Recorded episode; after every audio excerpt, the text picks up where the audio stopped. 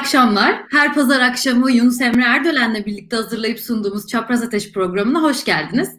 Bu pazarda her pazar olduğu gibi Daktilo 1984 YouTube ekranlarında sizinle beraber olacağız. Ve bu haftaki konuğumuz gazeteci yazar Levent Gültek. Hoş geldiniz Levent Bey. Merhabalar, hoş bulduk. İyi yayınlar diliyorum. Teşekkür ederim. Hepimize nasılsınız? İyisinizdir umarım. Çok teşekkür ederim. Çok şükür bir yaramazlığımız yok. İyiyiz. Umarım siz de iyisiniz. Her şey yolunda. Yolunda. Çok teşekkür ederiz. Size çok güzel sorular hazırladık ve konuşmak istediğimiz çok fazla şey var. Sorularımıza başlamadan Merakla önce bekliyorum. söylemek istediğim herhangi bir şey varsa alalım. Yoksa hemen başlayayım ben. Çok heyecanlıyım. Çok, çok güzel sorularınızı hazır vaziyette bekliyorum. Çok teşekkür ederiz. O zaman ben ilk sorumla başlamak istiyorum. Geçtiğimiz ay aslında katıldığınız bir televizyon programı sonrasında saldırıya uğradınız. Öncelikle bunun için size bir geçmiş olsun dileklerimizi iletmek istiyorum hepimiz adına. Ya bu kesinlikle kabul edilebilir bir durum değil. Hiç kimse için kabul edilebilir değil. Fikirlerinizi söylediğiniz için bir grup tarafından saldırıya uğradınız. Bu durum aslında ifade özgürlüğü açısından nerede olduğumuzu ve Türkiye'de gazeteciliğin ne kadar zor bir meslek olduğunu herkesin gözünü önüne serdi. Ya ben aslında bu saldırı sonrasında siz neler yaşadınız, ne hissettiniz ve daha da önemlisi hukuki süreci sormak istiyorum. Bildiğim kadarıyla 3 kişiydi, 2 tutuklama bir adli kontrol var ama bunun dışında süreç nasıl ilerleyecek? Bunun takipçisisinizdir diye düşünüyorum. Bizi bir aydınlatabilir misiniz?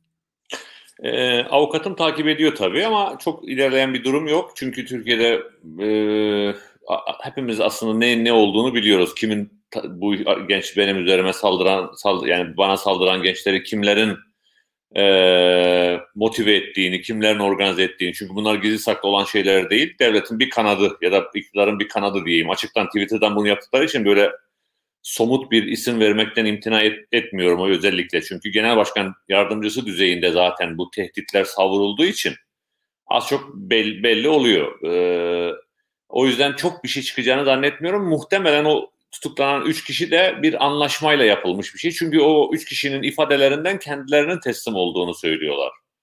Ya çok yani bu bilgi değil, burası yorum. Muhtemelen ya bu kadar da olmaz. Devlet hani en azından bir iki üç kişi verin bu işin üzerimizdeki baskısını azaltalım diye bir şey oluştu kendi aralarında. Onlar da geçici olarak bir iki üç kişiyi verdiler. Halbuki orası Bakırköy meydanı ve yüzlerce kamera var. Yüzlerce kamera o 25 kişiyi çok rahat bir şekilde e, tanımlayabilecek durumdaydı. Yüz binlerce kadının ka- katıldığı mitinglerde İstiklal Caddesi'ndeki kadınları teker teker tespit edip gece sabah evinden toplayan devlet Bakırköy Meydanı'ndaki 25 kişiyi bulamıyor olmasını anlaşılır görmüyoruz. Dediğim gibi bu kısım devam ediyor. Avukat ilgileniyor. Peki saldırı sonrası ne hissettim diye bakarsanız aslında çok fazla bir şey hissetmedim. Ee, beklediğim bir şeydi zaten. Yani bu çok ağır bir cümle. Bunun farkındayım. Beklediğim demek bile ne kadar tatsız ve can sıkıcı olduğunun farkındayım. Ama sonuçta bu ülkede bu işi yapıyorsak her birimiz için geçerli bu. Gazeteciler, yazarlar, siyasetçiler yani bir şekilde iktidarla düşünsel anlamda farklı pozisyona düşen insanlar bir şekilde tehdit altındalar. Kimisi hapisle, kimisi iftirayla, kimisi saldırıyla. O yüzden ben de benzer şeyler, tehdit, yani o özellikle sosyal medyada bir partinin genel başkan yardımcıları düzeyinde bir şey başlatıldığında e, kampanya. O tedirginlik vardı. E, o yüzden yani öyle çok olağanüstü bir şey hissetmedim fakat programdan şey saldırıdan hemen sonra programa çıkmış olmam sanırım beni psikolojik olarak bir tedavi işlevi gördü o. Yani eğer çıkıp da o, o program yani saldırının hemen ardından televizyona çıkıp da o insanlara sözümü söylememiş olsaydım muhtemelen psikolojik olarak çok daha etkileyebilirdi bu beni. Ama yine de çok şükür diyorum daha da büyük bir şey olabilirdi. Çünkü Türkiye'de şu anda hukukun olmadığı, anayasanın da neredeyse bütünüyle askıya alındığı bir ortamda güvenliğimizi ancak bu kadar sağlıyoruz. Ve yine de e, ucuz atlattım diye bakıyorum. Çok şükür daha beteri olabilirdi. Ee, inşallah benden sonra başka kimsenin başına gelmez. Bu da benim için son olur diye umut ediyorum. E, saldırıda aslında e, parmaklarınız da e, kırıldı diye biliyorum ve siz piyano çalmaya yeni başlamıştınız. E, bu da aslında çok e, yani ne kadar yaşanan olayın vehametini gösterir bir şey. Bu e, yaşadığınız saldırıdan sonra bu yaşadıklarım için hiç değmez kabuluma çekeyim artık konuşmayayım gibi bir his yaşadınız mı? Bir tedirginliğiniz arttı mı?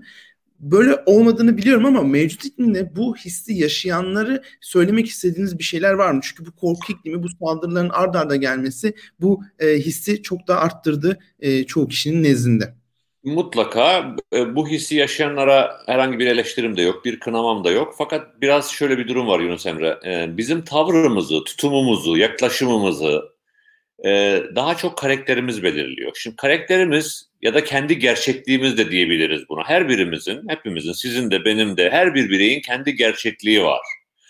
O gerçekliğe uygun bir yaşam sürerse mutlu olabiliyor. Şimdi korkup sinmek belki kendi insan hani sağlığını, endişesini toparlayabilir, yani şey yapabilir, e, birinci öncelik haline getirebilir ama diğer taraftan kendi gerçekliğine aykırı bir yaşam süreceği için onun yaratacağı ayrı bir mutsuzluk, huzursuzluk da var. Ben, benim gibi birçok insan muhtemelen biz sadece yiğitlik olsun, kabadayılık olsun, cesaret olsun, cesurluk olsun diye yazmıyoruz, konuşmuyoruz. Biz niye yazıp konuşuyoruz? Sözümüz birikiyor. O sözü söylemezsek bizi mutsuz ediyor içimizde. Zaten yazarlık böyle bir şeydir. Ahmet Altan'ın çok güzel bir sözü vardı. Yazar içindeki sözü dışarı atarak şifa bulur. Daha doğrusu zehiri. İçindeki söz bir anlamda zehir gibidir çünkü. O sözü zehiri dışarı atarak şifa bulur. Okur ise o zehiri alarak şifa bulur diye. Böyle bir tanımlaması vardı Ahmet Altan'ın yazarlıkla ilgili. Biz eğer yazarlar, gazeteciler her neyse kamusal görev gördüğümüz için söylüyorum içimizdeki o zehiri atmazsak o zehirle yaşayamayız. Zehir dediğim o ülkenin iyiliğini istemek, o ülkenin demokrasisini yüceltmek, o ülkenin hukukunu, adaletini, toplumsal barışını, sanatını, bilimini, gençlerine iyi bir gelecek vaat etmek, onun için çabalamak bu bu her birimizin karakterimle orantılı bir şey. Kiminde bu endişe çok yüksektir, kiminde biraz daha düşüktür. O yüzden ben istesem de hani bazen şunu demek istiyorum. Keşke karakterim Alaçatı'ya taşınıp orada bu işlere karışmadan, müdahil olmadan yaşayabilecek bir insan karakteri olsaydı. Ama öyle bir karakterim yok. Bu karaktere mecburum. Bu karakterin gerçeklerine uygun bir şekilde yaşamak zorundayım. O da şu dediğim gibi konuşmak, mücadele etmek, iyi insan. Bu mücadele şu değil. Ben biraz da kendimi şöyle görmüyorum. Bir siyasi mücadele veriyorum, demokrasi mücadelesi veriyorum. Bura Hayır. Benimki aslında iyi insan olma mücadelesi. Yani yazmak, konuşmak, e, iyilik için mücadele etmek aynı zamanda beni de iyileştiren, beni de canlı tutan bir çaba. Bunu öyle bir tehditle, bir saldırıyla, bir başka bir şeyle vazgeçebilecek durumda değilim. İstesem de vazgeçemem. E, geçen hangi bir filmde gördüm herhalde. Ancak beni öldürmeniz gerekiyor diye bir şey vardı. Herhalde öldürmeleri gerekiyor ki ben susabileyim. Yoksa bu bir meydan okuma anlamında söylemiyorum. Bu karakterimin gereği neyse o devam ediyor. Bunu istesem de değiştiremem yazmak, konuşmak benim bu dünyada iyi insan olma mücadelesi olarak gördüğüm bir eylem türü, çaba. E, o yüzden pek bundan vazgeçmek gibi bir niyetim yok. Öyle bir duygum da hiç gelmedi. Kendi gerçekliğimi bildiğim için. E, bazen ulan acaba çok mu tehlikeli işler ya da çok mu ileri gidiyorum dediğim oluyor. O da üstü ayarlaması ile ilgili bir şey. Yoksa gerçeği söylemek hani e, olup biteni anlatmak ya da topluma durumun vahametinin e, farkına varmasını sağlamaya çalışmak bundan en ufak bir şüphe hiçbir zaman duymadım. Dediğim gibi duyma, duymak isterdim aslında ama karakterim buna müsaade etmiyor. aslında birazcık konuştuğumuz konularla da bağlı ama birçok farklı kesimden birçok insan şu sıralar hepimiz milliyetçiliğin tanımını konuşuyor olduk. Yani milliyetçilik günümüzde ne demek gibi. Sizin katıldığınız Clubhouse yayınlarında da dinledim aslında. Sizin milliyetçiliğe ve değişen milliyetçiliğin yapısına dair bazı düşünceleriniz de var. Sizce geçmişten bildiğimiz milliyetçilik anlayışıyla bugün yaşanan milliyetçilik anlayışı arasında farklar var mı? Özellikle gençler milliyetçiliği şu an nasıl görüyorlar sizce? Ee, şu an 2021 yılında bunu nasıl tanımlarsınız? Şimdi milliyetçilik biraz e, 1900'lü yılların başında ulus devletlerin ortaya çıkmasıyla oluşmuş bir şey, e, ideoloji, değer. O zaman daha çok ulusların e, ön planda tutulduğu bir anlamı vardı. Fakat ben zaman içerisinde milliyetçiliğin bir evrim geçirdiğini ve yurtseverliğe e, evrildiği kanaatindeyim. Fakat e, henüz toplum milliyetçiliğin tanımını bir yurtseverlik olarak bilmeden aslında bir yurtseverlik yapıyor. Şu anda e, bütün anketler bize şunu gösteriyor. Toplumun yaklaşık yüzde altmışına yakını kendisini milliyetçi olarak tanımlıyor. Peki nedir milliyetçilik diye o insanlara sorulduğunda da şöyle cevap veriyorlar. Ülkesini sevmek, ülkesinin insanını sevmek, ülkesinin iyiliğini istemek. Bu aslında milliyetçilik değil. Bu aslında yurtseverlik. Bu iyi bir şey. Ben de mesela ben de kendimi böyle tanımlayabilirim. Kendimi bir yurtsever, tırnak içinde milliyetçi olarak tanımlayabilirim.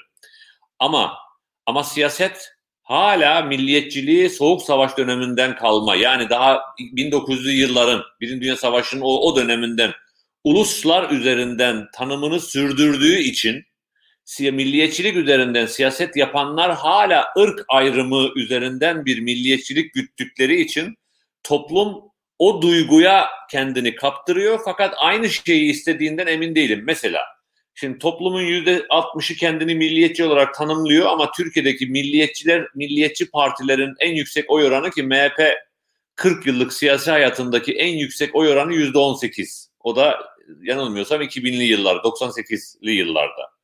Ki o da ittifaklar falan filan. Şu anda kendini milliyetçi olarak tanımlayan MHP'nin oy oranları %7, %8'lerde. Onun yanına bir de İyi Parti tam olarak milliyetçi olmasa bile bir bir kısmı öyle tanımlıyor. Bir yani e, bazı hassasiyetlerini o anlamda ön plana çıkarıyor. Buna rağmen ikisinin toplamı yine 18'lerde.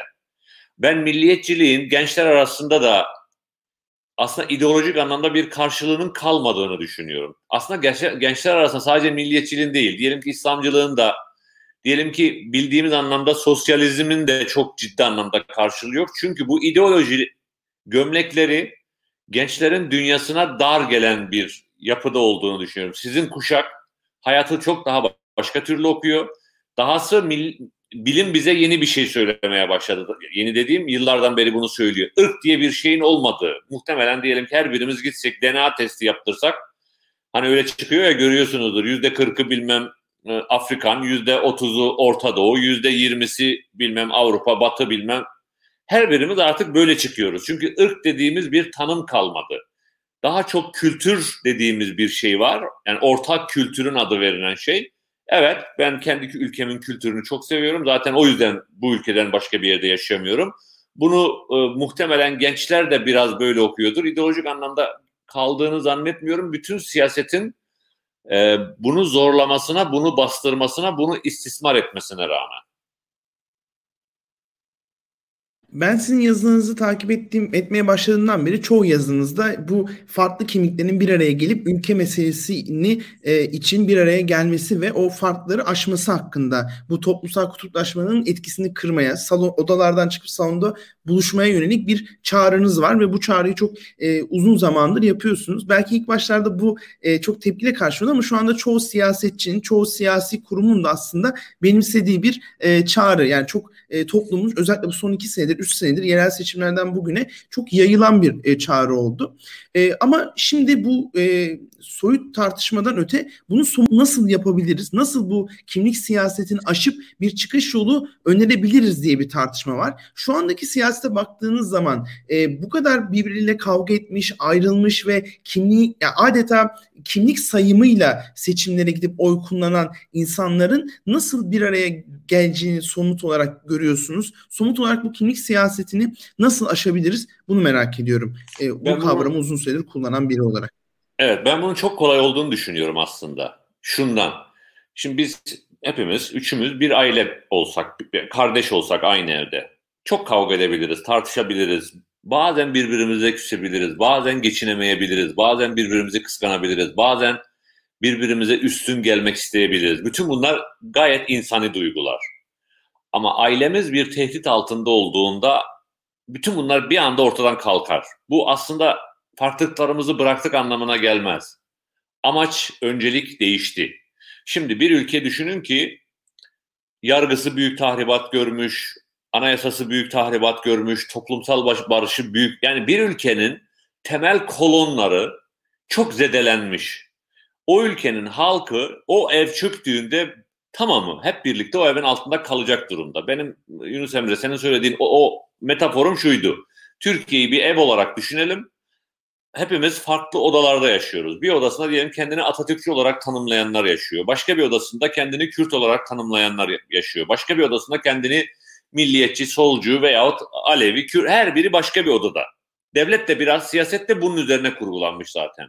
odalarda yaşasınlar, asla bir araya gelmesinler. Çünkü bunlar bir araya gelirlerse biz bunlara kimlik, inanç, mezhep siyasetinin dışında bir hizmet siyaseti sunmamız gerekiyor. Mesela biz Kürtlüğü, Aleviliği, dindarlığı tar- tartışmıyor olsak, birbirimizle bu anlamda kavga etmiyor olsaydık, her birimiz ortak bir şekilde siyasetten iyi eğitim, iyi sağlık, iyi yol, iyi şehirler, iyi bir ekonomi talebinde bulunacağız. Zaten siyaset bizi odalarda hapsediyor. O odalarda yaşamamızın sonucunda şimdi geldiğimiz noktada şunu fark ettik ki ev temelden su alıyormuş ve biz sadece odalarımızla o kadar meşgul, meşgulmüşüz ki evin tahrip olduğunu fark etmemişiz.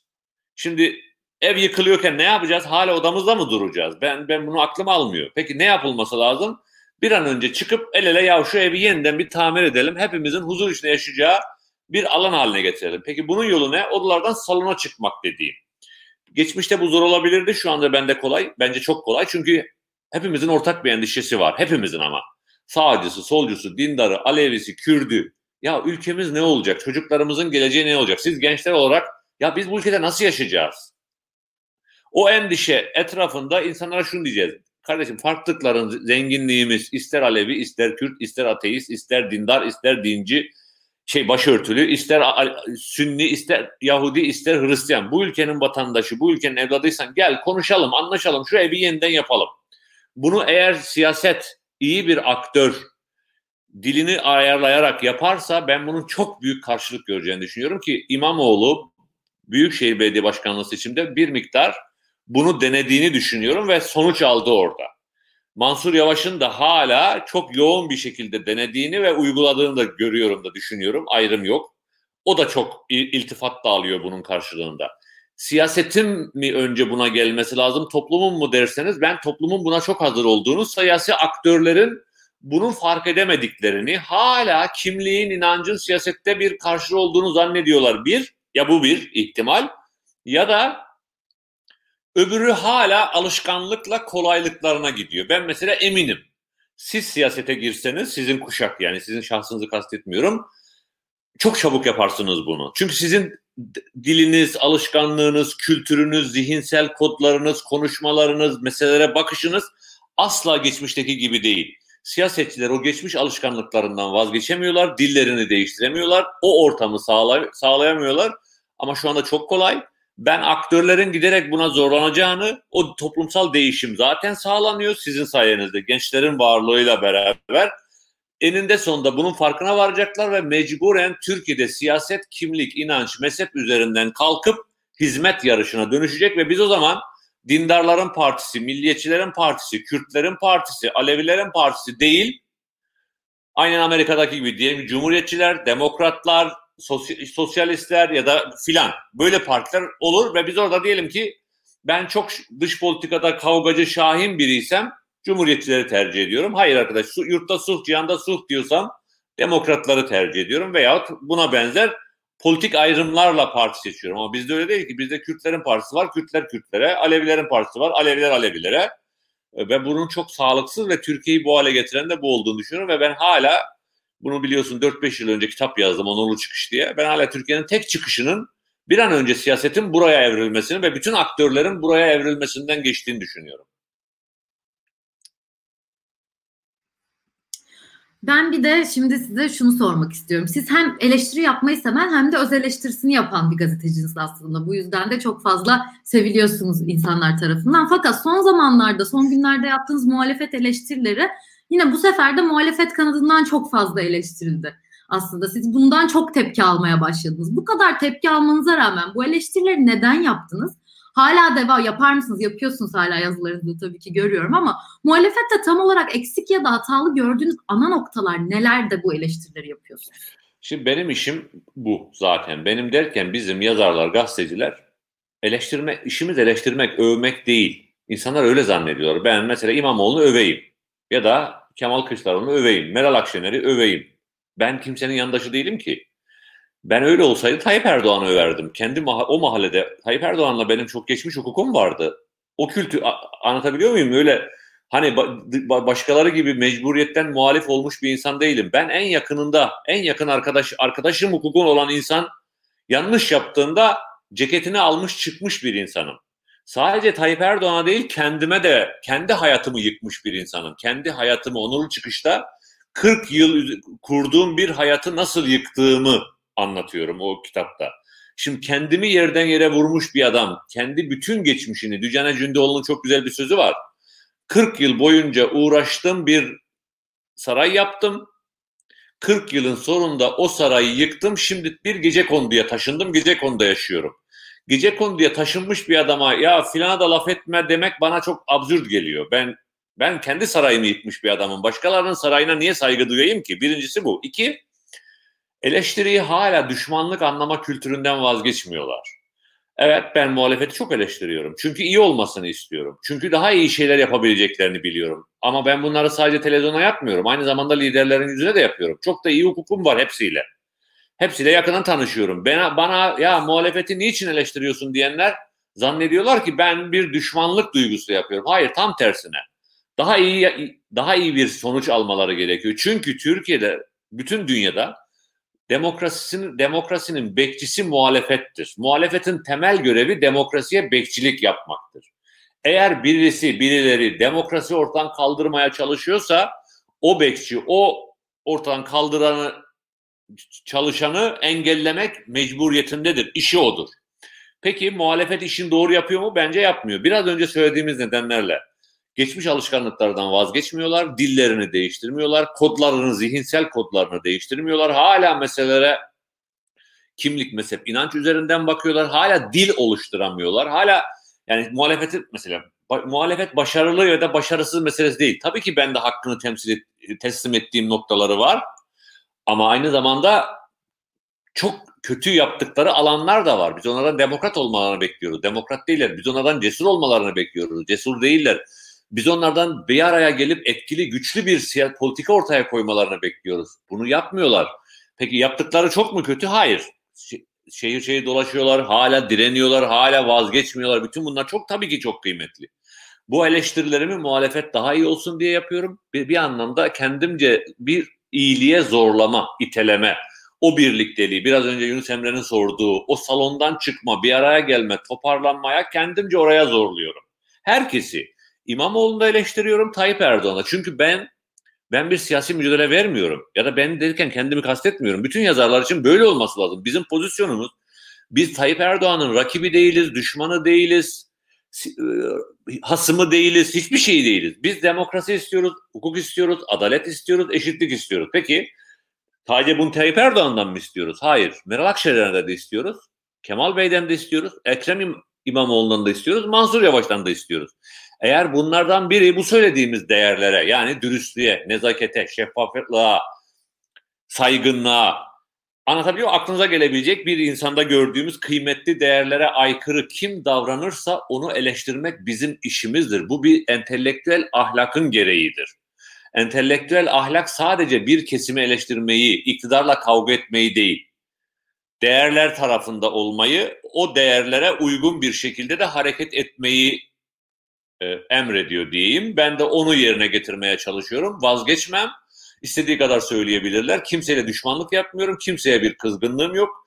E, saygı çerçevesine getiren eleştirilerden tabii ki çok kendime bakmamı sağlıyor. Çok da kıymet veriyorum. Ama amacım muhalefete iyilik yapmak, dürtmek, itelemek, zorlamak. Benim işim olduğu için bunu tabii ki yapacağım.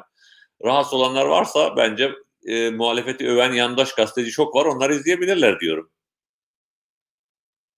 E, aslında siz e, uzun yıllar boyunca merkez medyada e, daha o zamanlar ana akım medyada da sizi görebiliyorduk.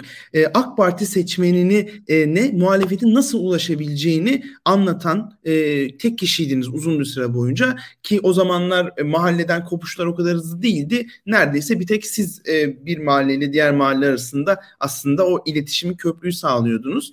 E, muhalefetin yıllarca AK Parti seçmeni neden ulaşamadığını anlattınız. Bu sene AK Parti'nin içinden çıkmış iki tane yeni siyasi parti var. Deva Partisi ile Gelecek Partisi. Ben şunu çok merak ediyorum. Yıllardır bu AK Parti seçmene ulaşmayı muhalefete anlatan ve bu konuda yazılar yazmış biri olarak bu iki partinin performansı konusunda ne düşünüyorsunuz? Acaba daha çok muhalefetten mi bir destek ve heyecan uyarıyorlar? Zaten halihazırda muhalefette olan kitleden mi? Yoksa AK Parti seçmenine ulaşıp onları da beraberlerinde götürüyorlar mı bu kopuş sürecinde? Bu konu hakkındaki yorumlarınızı merak ediyorum.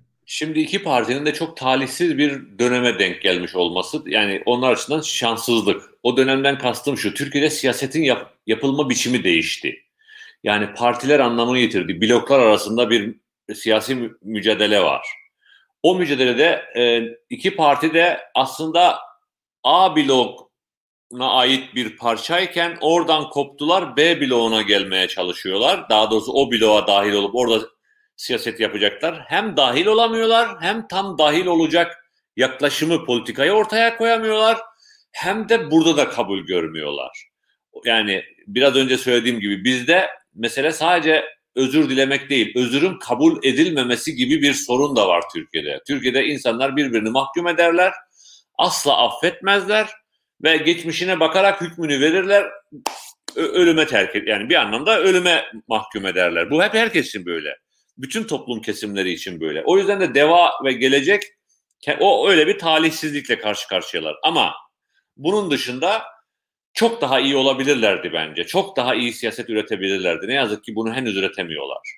Çünkü Türkiye'deki bir otoriter yönetimin varlığını henüz kabul edebilmiş değiller. E, dahası kendi geçmişleriyle ilgili e, topluma inandırıcı bir yaklaşım ortaya koymaları gerekiyorken bunu bunu inatla koymuyorlar. Bunu zafiyet görüyorlar. Mesela mesela diyelim ki şimdi Ahmet Davutoğlu'na sormuşlar bir televizyon kanalında. Sizce siyasi şey, sizin siyasi hayatınızda en büyük hatanız ne olarak görüyorsunuz diye. Verdiği cevap hani o meşhur söz var ya en büyük kusurum dürüstlüğüm e, derler ya öyle insanlar bazıları çok kendi merhametçi benim de en büyük kusurum dürüstlüğüm diye. Ahmet Bey de orada şöyle bir cevap vermiş. En büyük kusurum arkadaşlarıma güvenmek. Yani bu kadar olmaz. insanız biz. Hataya hepimiz hata yaparız. Hepimiz yaptık zaten. Bu sadece Davutoğlu'na, Ahmet şey Ali Babacan'a veya öbürüne CHP de yaptı. Her birinin çıkıp önce bir eleştiri yapıp o cesaretle toplumla bir duygusal bağ kurma lazım. Birinci sorunları bu. İki, henüz bir dil sorunları var. Yani biraz önce söylediğim bizim her birimizin kendi odalarımızda yaşamış olmamız, bu sizin kuşak için geçerli değil, onun özellikle altını çizeyim, belli bir yaş üstü için geçerli bir, bu odada büyümüş olanlar öteki odanın dilini bilmiyor. Öteki odayla nasıl diyalog kuracağını, hangi kelimeleri kullanırsa o öteki odanın incinmeyeceğini, hangi sözleri sarf ederse onları kaçırmayacağını bilmiyor. O dil bilmemek bence Türk siyasetinin en temel sorunlarından biri. Yani diyelim ki Ali Babacan öyle cümle kuracak ki hem kendi dindarını mutlu edecek ama aynı zamanda bir Alevi ondan güven duygusuna kapılacak. Veyahut diyelim bir Kürt. Aynı zamanda bir milliyetçi çocuğun ülke bölünme endişesini de ortadan kaldıracak. Bu ortak potada eritilmiş dile henüz ulaşabilmiş değiller.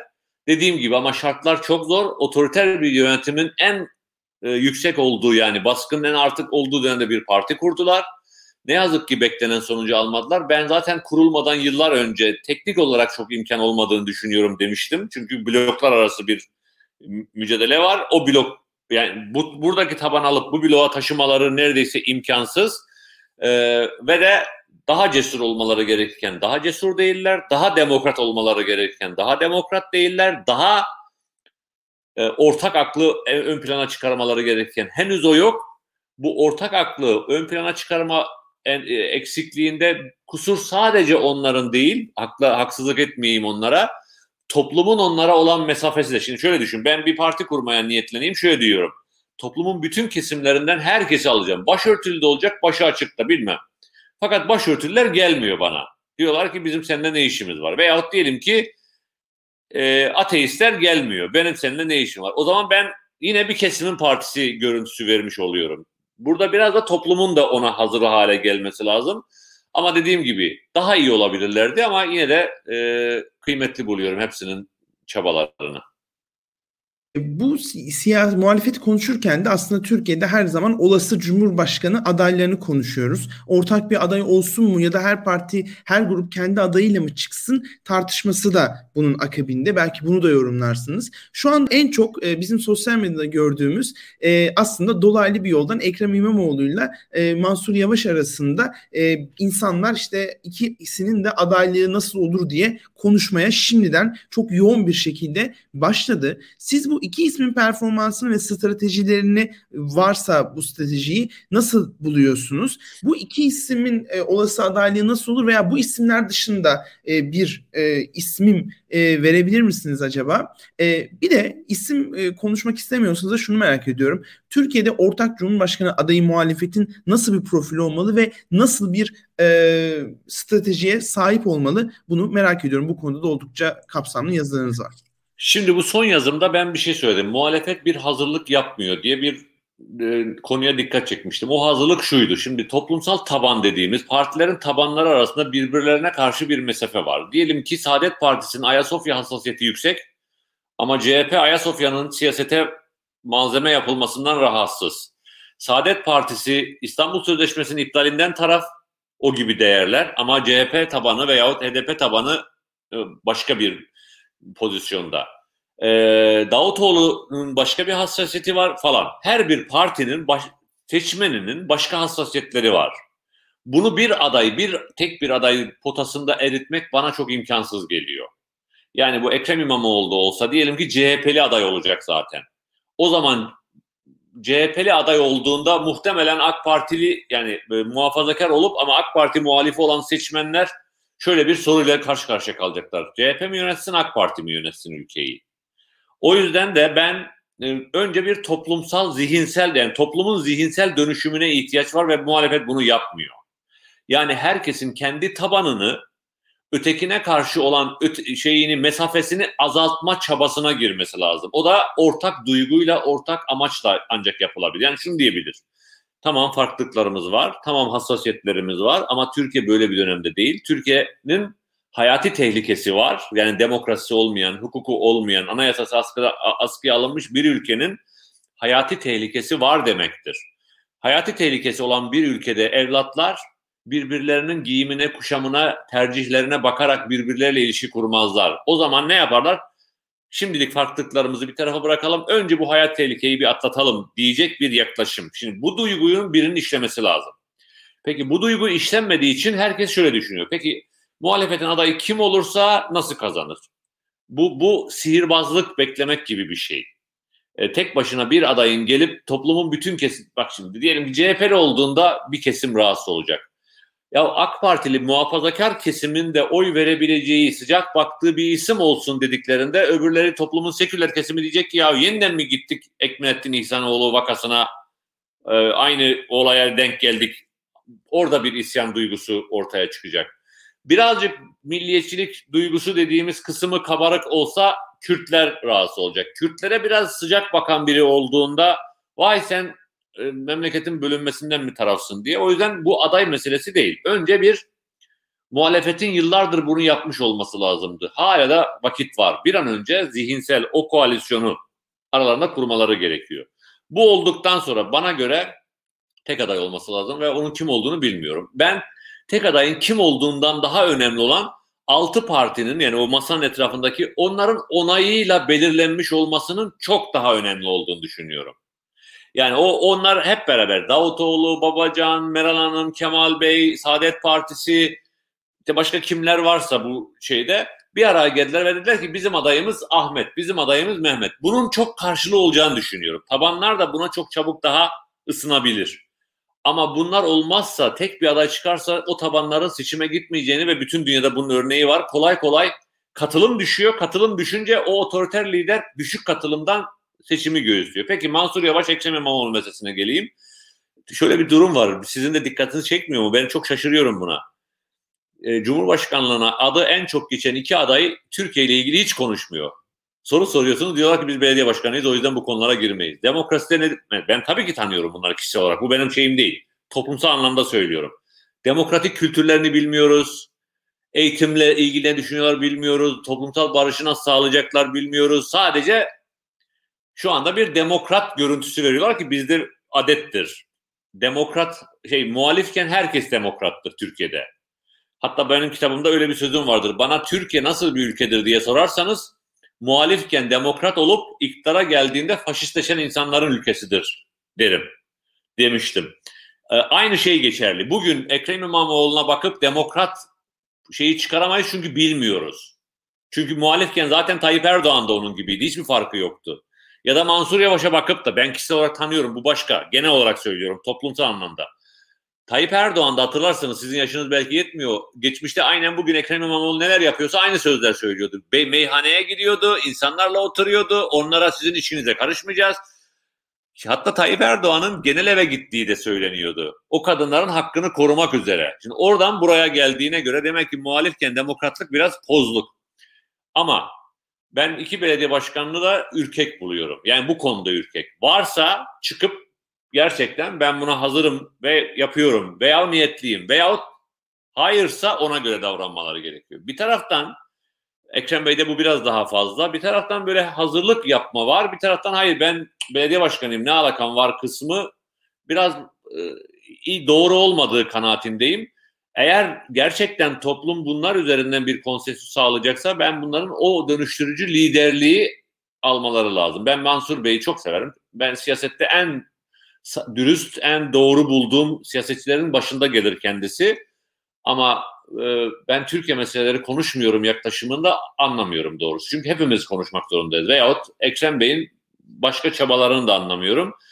E, kimin olacağı konusu tekrar söylüyorum. Ekrem Bey de olabilir, Mansur Bey de olabilir, başkası da olabilir. Önemli olan o altı kişinin bir araya gelip ortak karar vermesidir. Başka bir isim sunma şansım yok çünkü isim hem bir polemik hem de hakikaten hiçbirimizin aklına o isim gelmiyor. Yani siz de düşünüyorsunuz, ben de düşünüyorum. Bir şey gelmemesi çok gayet normal. Çünkü toplum o kadar bölünmüş ki altı parçaya, beş benzemezi bir araya getirecek bir isim sihirbaz olsak ancak başarabiliriz yani. O da yok öyle bir şeyimiz, etkimiz, gücümüz. O yüzden önce o beş benzemez bir araya getirilsin. O isim kolay kolay çıkar. Türkiye'de e, siz bile yönetirsiniz. Ben hatırlıyorsan Yunus Emre seninle ilk tanıştığımızda sana söylemiştim. Ben bunu birçok kişiye de söyledim. Yunus Emre'yi alalım, şeye koyalım Türkiye'nin Cumhurbaşkanı'na. Bugünkü bütün siyasetçilerden çok daha iyi yönetir. Bu Yunus Emre'nin şahsına söylenmiş bir şey değil. Sizin kuşak daha medeni, daha açık, daha konuşabilir, daha sorunları kolay çözebilir, geçmiş hastalıklardan daha uzak, hastalık diyorum bizim kaptığımız. O yüzden siz sizin sizden birini alsın muhalefet, aday yapsın. Biraz tecrübe gerekir belki. Yaş orada o anlamda e, şey olabilir. Hepiniz bence ülkeyi çok güzel yönetirsiniz.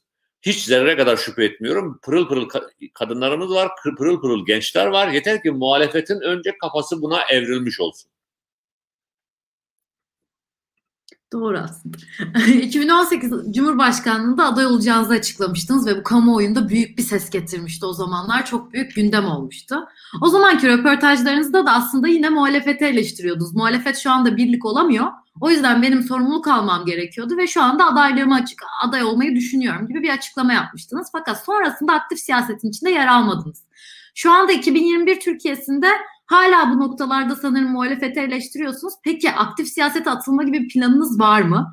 Günümüz Türkiye'sinde eleştirilerinizi takip edebildiğim kadarıyla böyle olduğuna da baktığımız böyle devam ettiğini gördüğümüz bir noktada sorumluluk almayı tekrar düşünür müsünüz? Şimdi e, yıllarda söylediğim bir şey var. Ben biraz şu anda her birimizi, sizi de kendimi de yazarları da siyasetçileri de biraz itfaiyeci pozisyonunda görüyorum. Yani itfaiyeci ne demek? Bir yerde bir yangın varsa orada herkes itfaiyecidir. Yani evimiz yanıyorsa her birimiz bir kova su dökmekle meşgulüz o su, yangını söndürmek üzere. Şu anda aslında hepimiz bu ülkeden sorumluyuz. Siz de ben de 84 milyonun her birine sorumluluk düşüyor. Bu sadece siyasetin sorumluluğu diyemeyiz. Peki böyle bir durumda bana de, deseler ki ya şuraya senin su dökmen lazım onu dökerim. Hiç tereddüt etmem.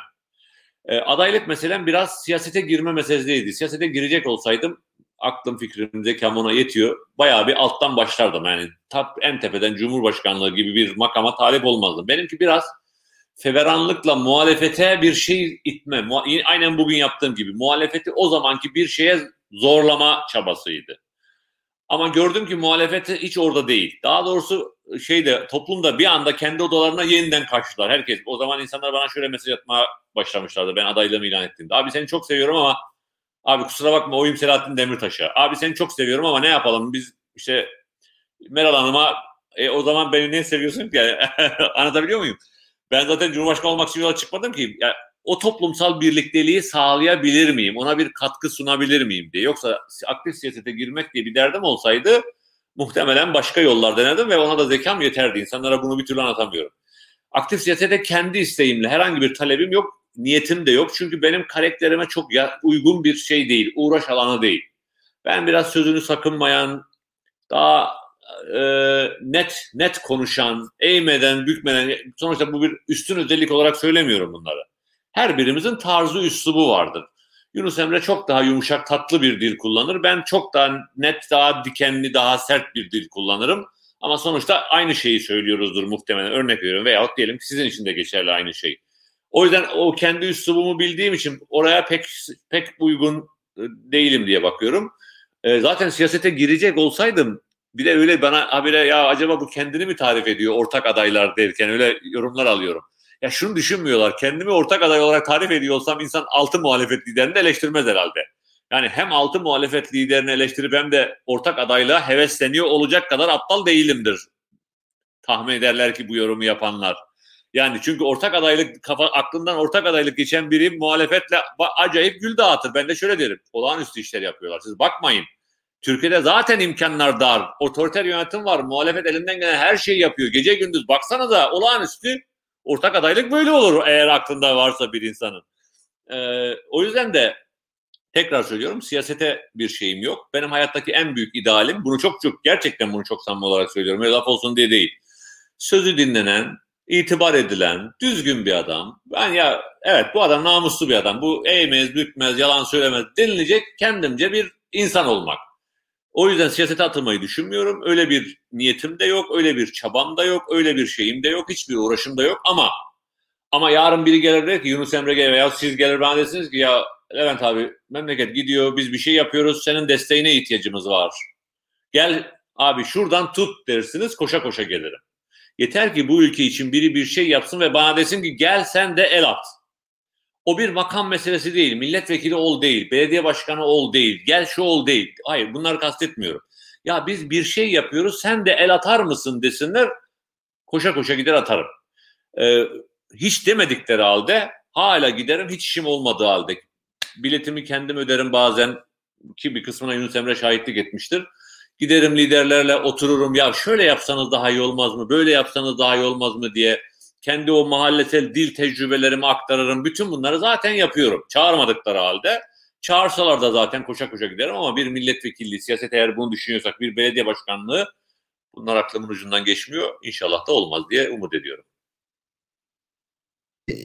Sizin aslında bu e, muhafazakar camiadan kopmanız ve o onurlu çıkış olarak adlandığınız süreci yaşamanız şu anda e, siyasete son 5 senedir ilgi duymaya başlamış ve aslında bizim çok izleyicimiz de ya, genç ve Z kuşağı izleyicimiz var. İnsanların çok vakıf olduğu bir süreç değil. Yani eğer sizin çok detaylı bir şekilde araştırıp çok eski yayınlarınızı okumamışlarsa sizin o kırılma noktanızı pek bilmiyorlar. Sizi muhalif e, yorumcu veya muhalif bir yazar olarak tanıyorlar.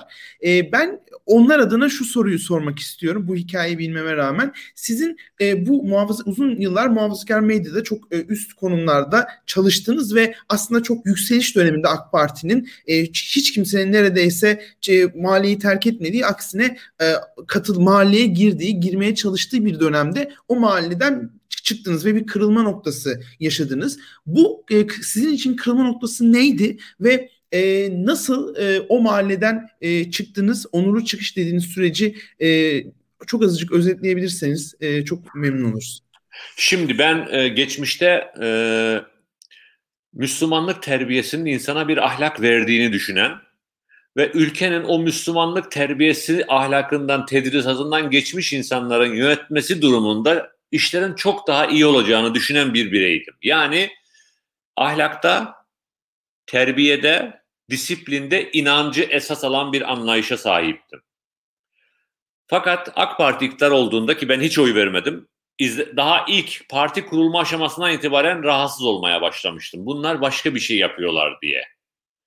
Sonra zaman içerisinde yolsuzluk duydum, yazmaya başladım. Yolsuzluk yaptıkları yolsuzlukları falan. Ama hala inanç sorgulaması yani inanç dediğim o yaklaşımımı yani inancı esas alan ahlak anlayışını sorgulamaya başlamamıştır. Sadece e, bireyleri eleştiri düzeyindeydi.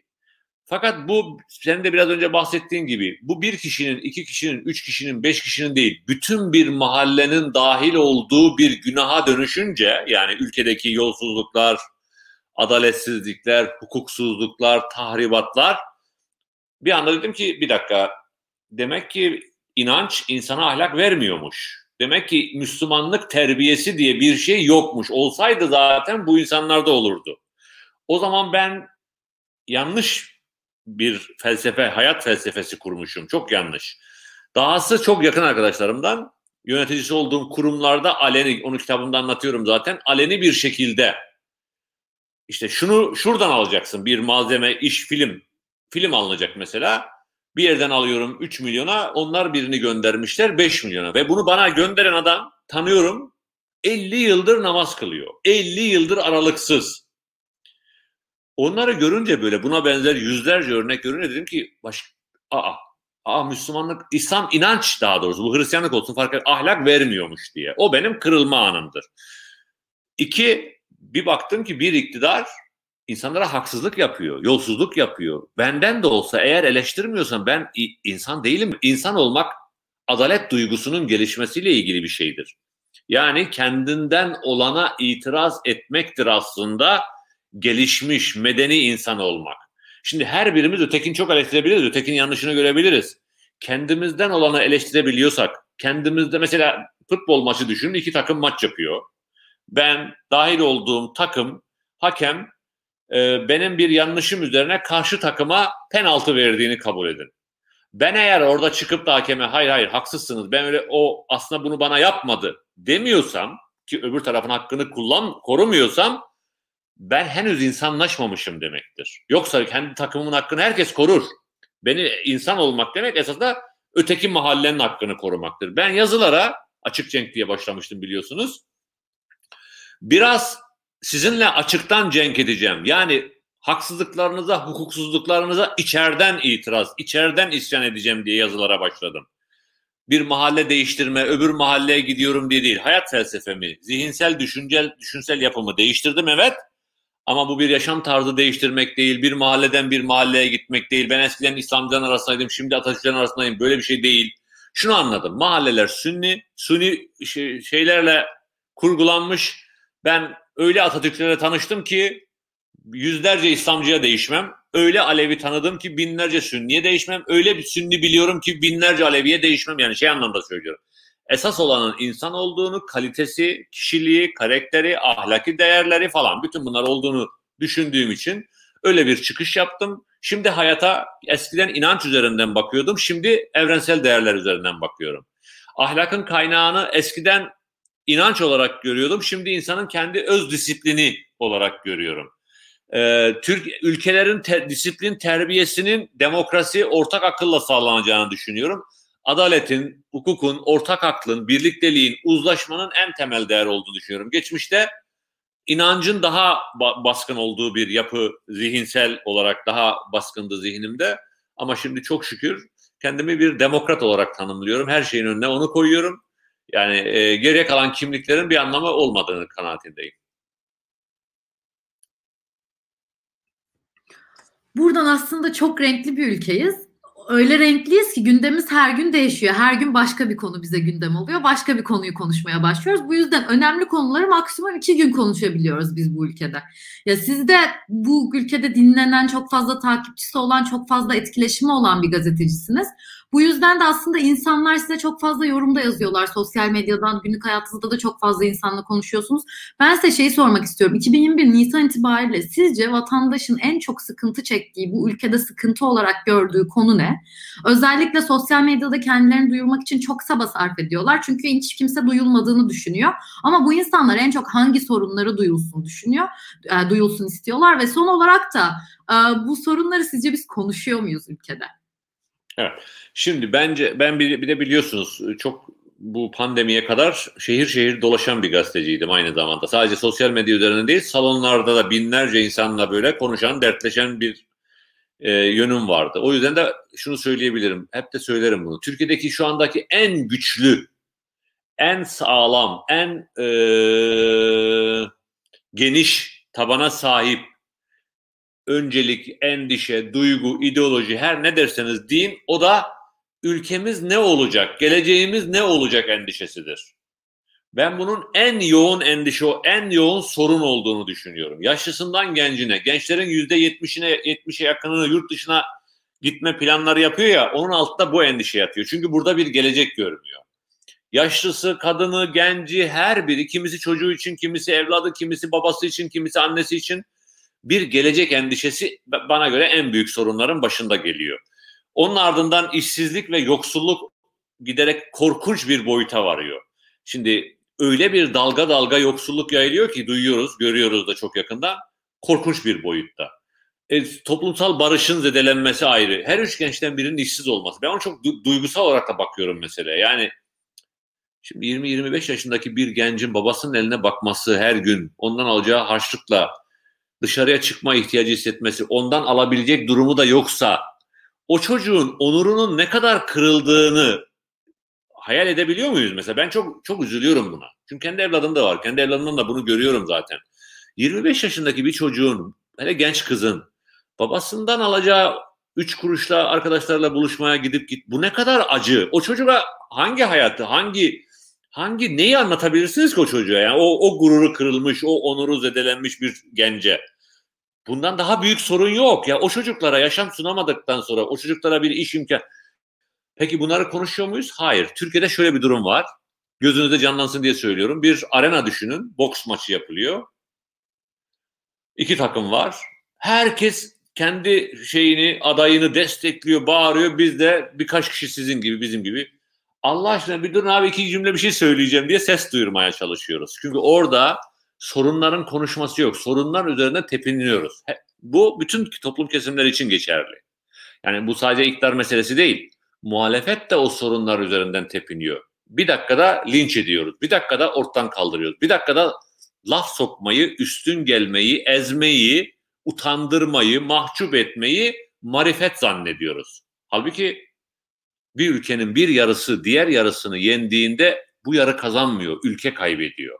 Ya da ben, ben bu ülkenin bir evladını ezdiğimde ben kazanmıyorum. Bu, bu ülkenin bir evladını yok etmiş oluyorum. Böyle bakmıyor insanlar.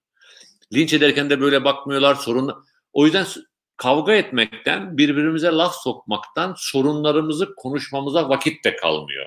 Şimdi sorun konuşmak, oturmak birbirine değer vermektir. Birbirini dinlemektir. Birbirini anlamaya çalışmaktır. Ben mesela ben 10 yıldır başka mahalledeki insanların dilini öğrenmeye, hassasiyetlerini öğrenmeye, duygularını anlamaya buna 10 yılımı verdim. Hala da veriyorum. O kadar zordur ki bu.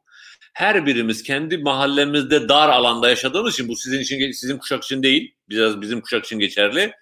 Çok dar. Öbür mahallenin dilini bilmiyoruz, üzüntüsünü bilmiyoruz, acısını bilmiyoruz, neye alındığını bilmiyoruz, neye kızdığını bilmiyoruz, neye darıldığını bilmiyoruz.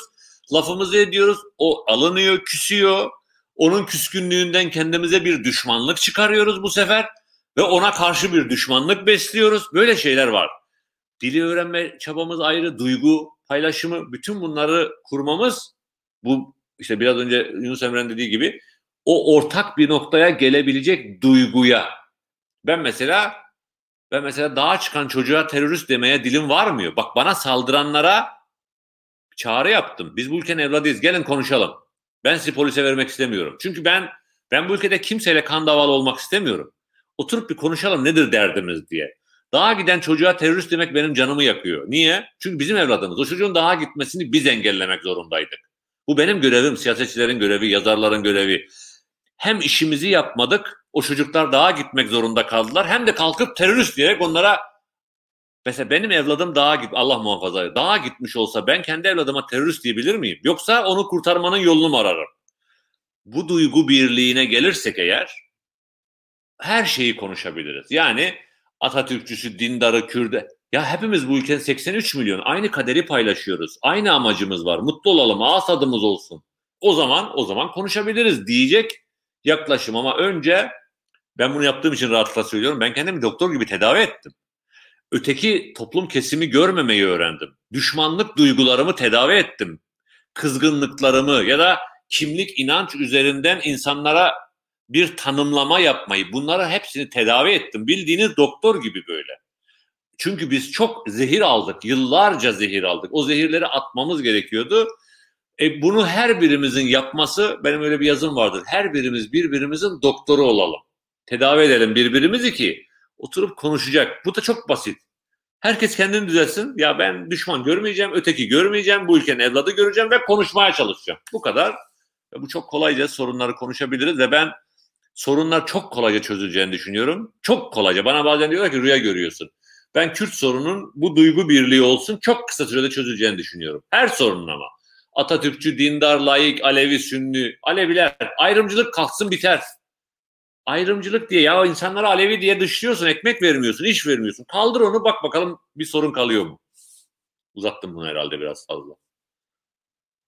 Sizde her zaman şu konuyu konuşuyoruz aslında bir araya gelince. Muhafazakar camianın işindeki değişimi özellikle kentte orta sınıf e, muhafazakar ailelerinin AK Parti oy veren ailenin çocuklarının e, farklı görüşleri savunmaları, aileleriyle ailenin de kendileriyle beraber dönüştürme çabaları, çok melez ve gri alanların oluşma süreçleri çok konuşulmaya başlandı son 200 senedir. Sosyal medyada da bu hikayeleri görmeye başladık. Hepimiz kendi hayatlarımızda da özellikle deizm oranında ciddi bir artış olduğu konuşuluyor. Çok beklenmedik isimler inançlarının sarsıldığını, siyasal İslam'a yönelik inançlarının da sarsıldığını söyleyebiliyor. Size en son yaptığınız röportajlar sanırım bir buçuk sene önceydi. Siyasal İslam'ın iflas ettiğini söylemiştiniz. Siz de bu mahalleyi yakından tanıyan bu e, kesimi düşüncesine hakim biri olarak bu yaşanan değişimi özellikle son 5 senedir yaşanan bu değişimi nasıl yorumluyorsunuz? E, bunun gelecekteki etkileri sizce e, ne olacak? E, bunu merak ediyorum. Şimdi siyasal İslam'ın iflası derken şunun bir kere altını çizelim. Bitti tükendi anlamında değil. Ee, yükselen değerdi AK Parti iktidara gelene kadar. Toplum ilgi duyuyordu. Yani itibar ediyordu. Yani ya galiba bu adamlar düzgün insanlar. Galiba bunlar iyi bir şey yapabilirler diyorlardı. Bu bu bitti. Bu öldü. Bir şeyin ahlaki üstünlüğünü kaybetmiş olması demek o şeyin tükenmişliği anlamına gelir.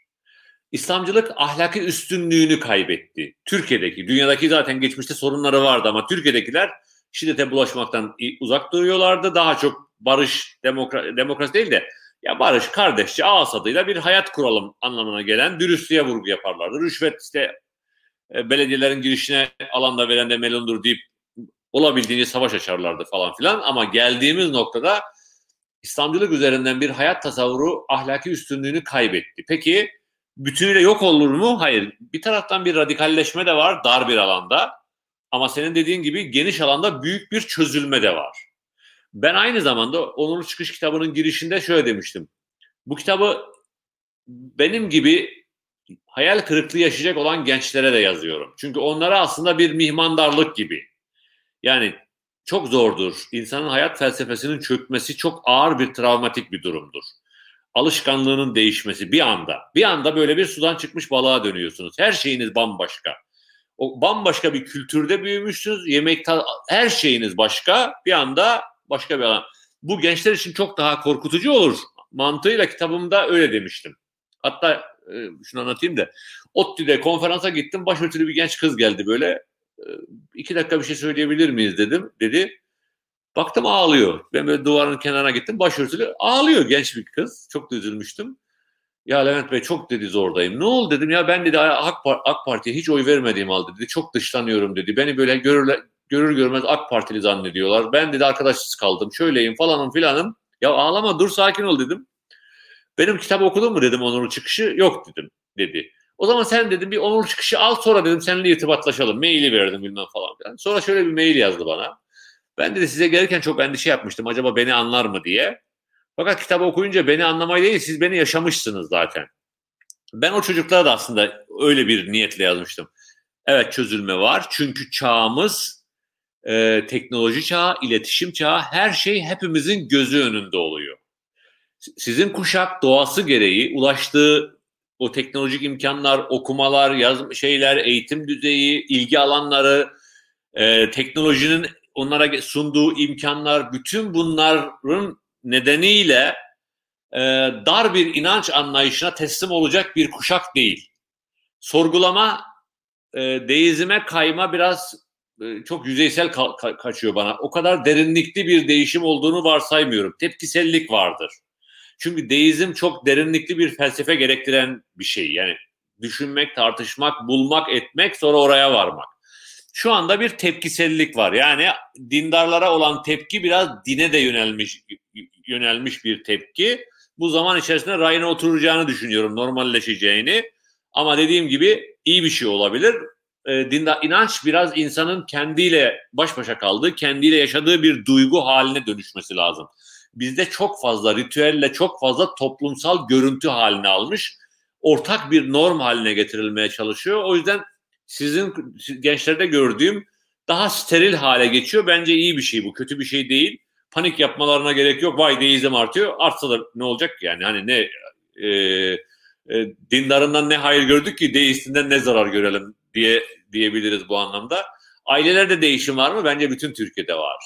Benim yaşadığım yıkımı bütün dindarlar yaşıyor. Onların da hayaliydi. Dürüst bir Türkiye. Hani e, AK Parti Türkiye'deki dindarlığı esasında dini, inanca bence Cumhuriyet tarihinin en ağır darbesini vurdu. Herkesin gözünde. E, o yüzden gayet anlaşılabilir bir şey bu çözülme. Sizin kendinize en çok eleştirdiğiniz noktalardan biri de aslında geçmişinizde Erbakan'la beraber kurduğum dediğiniz hayalleriniz. Ve o yönden o, yön, o yıllarda da kaybettiğiniz yılları kendinize çok fazla eleştiri olarak söylüyorsunuz. Bu öz eleştiri yapmak herkesin yapabileceği kolaylıkta bir şey değil ve çok saygı duyuyor zaten pek çok insan da bu öz eleştiriye. Fakat son zamanlarda bu Erbakan mirasına çıkmaya sahip çıkmaya çalışan çok fazla siyasi parti var. Aynı Demirel'in mirasına, Türkeş'in mirasına, Özal'ın mirasına sahip çıkmaya çalışanlar olduğu gibi. Şu aralar birçok mirasçılık siyaseti görmeye başladık aslında arenada. Sizce bu mirasçılık siyasetinin sıkıntısı ne? Özellikle Erbakan ekolü siyasetinin sıkıntısı ne? Günümüz Türkiye'sinde seçim kazanmanın yolu sizce neden kimlik ya da inanç siyasetinden çıkıp daha kapsayıcı değerleri savunmak üzerinden gitmek olmalı? Çünkü bir kere bir ülkeyi bu hale size bu saydığınız liderler böyle bir ülke bıraktılar. Bu sadece Erdoğan'ın suçu değil. Erdoğan onlardan berbat bir ülke almıştı, devralmıştı. Daha da berbat hale getirdi. Erbakan yaptı. İnanç üzerinden siyaseti. Biz ve onlar ayrı, ayrımını. Biz ve onlar o kadar güçlüydü ki Erbakan'ın dilinde. Toplum artık kanıksamıştı biz ve onları. Başörtüyle baş açık birbirini biz ve onlar olarak görüyordu. Türklüğün ırkçılık olduğunu Türkeş yerleştirdi bu insanların zihnine bu ülkede. Sen Kürt müsün? Değil misin? Söyle bakalım. MHP, MHP'liler yaptı bu ülkede. Demirel verdimse ben verdim rüşveti, yolsuzluğu. Ne var İhsan'da? Gayri ahlaki şeyi yani o hassasiyeti o yok etti. Özal benim memurum işini bilir diyerek o yozlaşmanın yolunu açtı. Bunları yok edelim anlamında söylemiyorum. Yaptıkları kusurlar da var. Bunu da görelim. Ders çıkaralım ondan. Özal'ın tabii ki yaptığı iyi şeyler var. Demirel'in yaptığı tabii ki iyi şeyler var. Ama siyaset tarzları bize büyük zarar verdi. Erbakan öyle. Şimdi şimdi bazı siyasetçilerle ilgili olumsuz konuşalım demiyorum. Ama göklere çıkarmak ders almamış olmak demektir. Göklere çıkarmakla yermek arasında bir yer var. Orada durmayı bilmeli, bilmemiz gerekiyor. Yermeyelim. Ben rahmetli Türkeş'e alalım, duvardan duvara vuralım, Erbakan'a ağzımıza geleni söyleyelim. Bunu diyen değilim. Konu etmeyelim. Allah rahmet etsin diyelim, geç geçelim. Ama övgü düzdüğümüzde onların yanlış siyasetini de yüceltmiş oluyoruz aynı zamanda. O zaman doğru ne? Erbakan'ı övüyorsan Erdoğan'a niye karşısın? Şimdi Erbakan'ın tören e, e, ölüm yıl dönümünde bir tören oldu. Gitmeleri sorun değil. Övgü düzmeleri çok yakışıksız bir durumdu. Çünkü eğer Erbakan'a övgü düzülecek bir durum varsa o zaman Erdoğan'dan için şikayetçiyiz? Çünkü Erdoğan Erbakan'ın dediklerini yapıyor. Anlatabiliyor muyum? Erbakan ne söylediyse bugün Erdoğan aynı şeyleri yapıyor. Biz ve onlar ayrımı ondan kalma. İnanç üzerinden siyaset ondan kalma. İhalelerden komisyon alma ondan kalma. Bütün bunlar bilinen şeyler. Bunu ben iftira atarak söylemiyorum ki. Yani birçok birçok şey var. Bunlardan vazgeçmemiz lazım. Bu insanları yermemize gerek yok ama övmemize de gerek yok. İki, inanç, kimlik üzerinden siyasetin Türkiye'yi getirdiği nokta önümüzde. Bu, bu arkadaşlar bu, bu bunun faturasını ödüyoruz. Milliyetçi parti, dindar parti, Kürtlerin partisi, Alevilerin partisi olduğu için Türkiye'de eğitim konuşulmadı. Türkiye'de iyi doktor olmak, iyi hukukçu olmak, iyi mühendis olmak, iyi sanatçı olmak, iyi bilim insanı olmak rağbet görmediği için insanlar iyi milliyetçi, iyi iyi de yani olumlu anlamda iyi kullanmıyorum. Daha belirgin olmak anlamında kullanıyorum. İyi Alevi, iyi Kürt, iyi dindar, iyi solcu olarak kendilerine ekmek buldular. Yani alan kaptılar. Yani siyasette, yani medyada, yani başka yerde. Halbuki biz liyakatle ölçüyor olsaydık hayatı ben dindarlığımla varlık gösterme çabasına girmezdim. Bir başkası da Aleviliğiyle varlık gösterme çabasına girmezdi. Her birimiz yarışa girerdik. Ben mi daha iyi hukukçu olacağım, sen mi? Ben mi daha iyi ol- doktor olacağım, sen mi? Bu olmadığı için bunu bu bu mevcut siyasetçilerin bize armağanıdır Türkiye'ye. Onların sayesinde bu ülkede demokrasi kurumsallaşmadı. Onların yüzünden bu ülkede anayasa kalıcı hale gelmedi. Onların yüzünden bu ülkede gerçek bir bağımsız yargı olmadı onların döneminde. Ecevit atın bu kadını, bu kadının ağzının payını verin, haddini bildirin dememiş olsaydı dönüp de ya bir dakika karışmayın bu işe. Biz bu işi meclise kendi demokratik kültürümüzü hallederiz demiş olsaydı biz bugün bunları yaşamıyor olurduk büyük ihtimalle. O kadar o yıkımın acısını bugün 80 milyona ödetmiyor olurdu o toplum kesimi. Şimdi ben Ecevit'in çok iyi yönleri var. Rahmetli anabilirim. Ama olağanüstü bir insandı. Türkiye'de çok güzel şeyler yaptı. Bu biraz abartılı, biraz biraz kendimize bakmamız lazım. Ders çıkardığımızı görmemiz lazım ve gerçekten ders çıkarmamız lazım. Türkiye'yi buraya kimlik siyaseti getirdi. Artık dünyada kimliğin, inancın derre kadar kıymeti yok. Esas olan liyakattir, yetkinliktir, bilgidir, tecrübedir, aldığın eğitimdir veyahut insanlık kalitendir dünyada rekabet edebilir hale gelmektir. Değilsen istersen en iyi dindar ol, istersen en iyi Kürt ol, istersen en iyi Alevi ol, istersen en iyi bilmem Yahudi ol, Hristiyan ol. Ben Danimarka'daki iyi, doğru düzgün, medeni, demokrat bir insanı buradaki şeyden o anlamda baktığımda daha yararlı görüyorum dünya için. Daha faydalı. Anlatabiliyor muyum? ya illa Türktür, illa Kürttür meselesi değil. İyi insan olsun biraz. Yetkin olsun, biraz uzmanlık alan olsun, biraz eğitilmiş olsun, biraz terbiye görmüş olsun, biraz değer sahibi olmuş olsun ve biz oradan ortak duygu çıkaralım. Siyaset bunu beslemesi lazım. Siyaset toplumu buraya çekmesi lazım. Toplum görünürde e, lümpen bir şey talep ediyormuş gibi geliyor ki bence o görünür. Çünkü sesi çıkan azınlık var inanç siyasetinde azınlığın sesi çıkıyor. Kimlik siyasetinde öyle. Zannediyorlar ki herkes dindar bir siyasetçi bekliyor. Türkiye'de dindarlık üzerinden oy verenler oranı anketler ortada yüzde yirmiyi bile geçmiyor. Buna rağmen dindarlık siyasette kalıcı bir norm haline getirmeye çalışıyor. Bu Türkiye'ye büyük zarar verdi. Bunun için yan bağımsız yargı kuramadık. Bunun için demokrasimiz güçlenmedi. Bunun için namuslu bir medyamız olmadı. Bunun için toplumsal barış sağlayamadık. O yüzden siyaset artık bundan vazgeçmeli ortak evrensel değerler üzerinden yeniden bir yapılanmaya gitmeli. E, son e, bir sorumuz kaldı onu soracağım. Bu maliden çıkışlarla ilgili aslında bu soruda. Türkiye'de böyle Twitter'da sosyal medyada her ay e, şöyle bir ta- döngüye giriyoruz. E, bugüne kadar hükümeti desteklemiş bir isim e, bir bir olay yüzünden bir kırgınlık yüzünden hükümetten desteğini alıyor ve muhalefete geçiyor. İşte muhalif gazetelerde yazmaya başlıyor. Muhalif tweetler atmaya başlıyor. Bazen bir özür dileniyor ya da bir öz eleştiri yapılıyor ve hemen akabinde sosyal medyada da işte bu özür kabul etmiyoruz. E, bu özür eleştiri yetmez. Hesaplayacaksınız gibi bir tutum oluyor veya bazı isimlerde böyle yaparsak bu mahalleden çıkışları toplumsal birliği azaltır. Bu tavır çok yanlış gibi bir e, tepkiyle e, bu e, tepkiyi, sosyal linci aslında e, karşılıyor. Bu iki görüşten hangisine ağırlık veriyorsunuz? Bu dilenen özürler ve yapılan öz eleştirilerin kabul edilmediği veya bu kadar tepkiyle karşılandığı bir durumda e, bizim geleceğimiz ne olur? Bu konu hakkındaki görüşlerinizi merak ediyorum.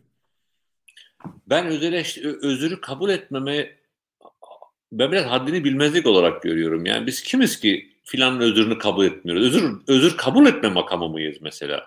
Şimdi biraz biraz bilgeleşmek lazım. Şimdi özür dilemek bir erdem, o özürün hakkını verebilmek de bir bilgeliktir, bir pişmişliktir, bir olgunluktur. Bazen şu anlama gelmez. Özür kabul etmek derken mesela diyelim ki çok kızdığım bir insan beni kırmış diyelim. Sonra geldi bana dedi ki ya kusura bakma bir yanlış yaptım. O saatten sonra eskisi gibi belki olamam. Ama ona karşı artık o konuyu açıp tartışma konusu yapmak benim çiğliğimi gösterir. Bak tekrar ediyorum. Belki eskisi kadar rahat hareket edemem böyle hani o güven duygusu.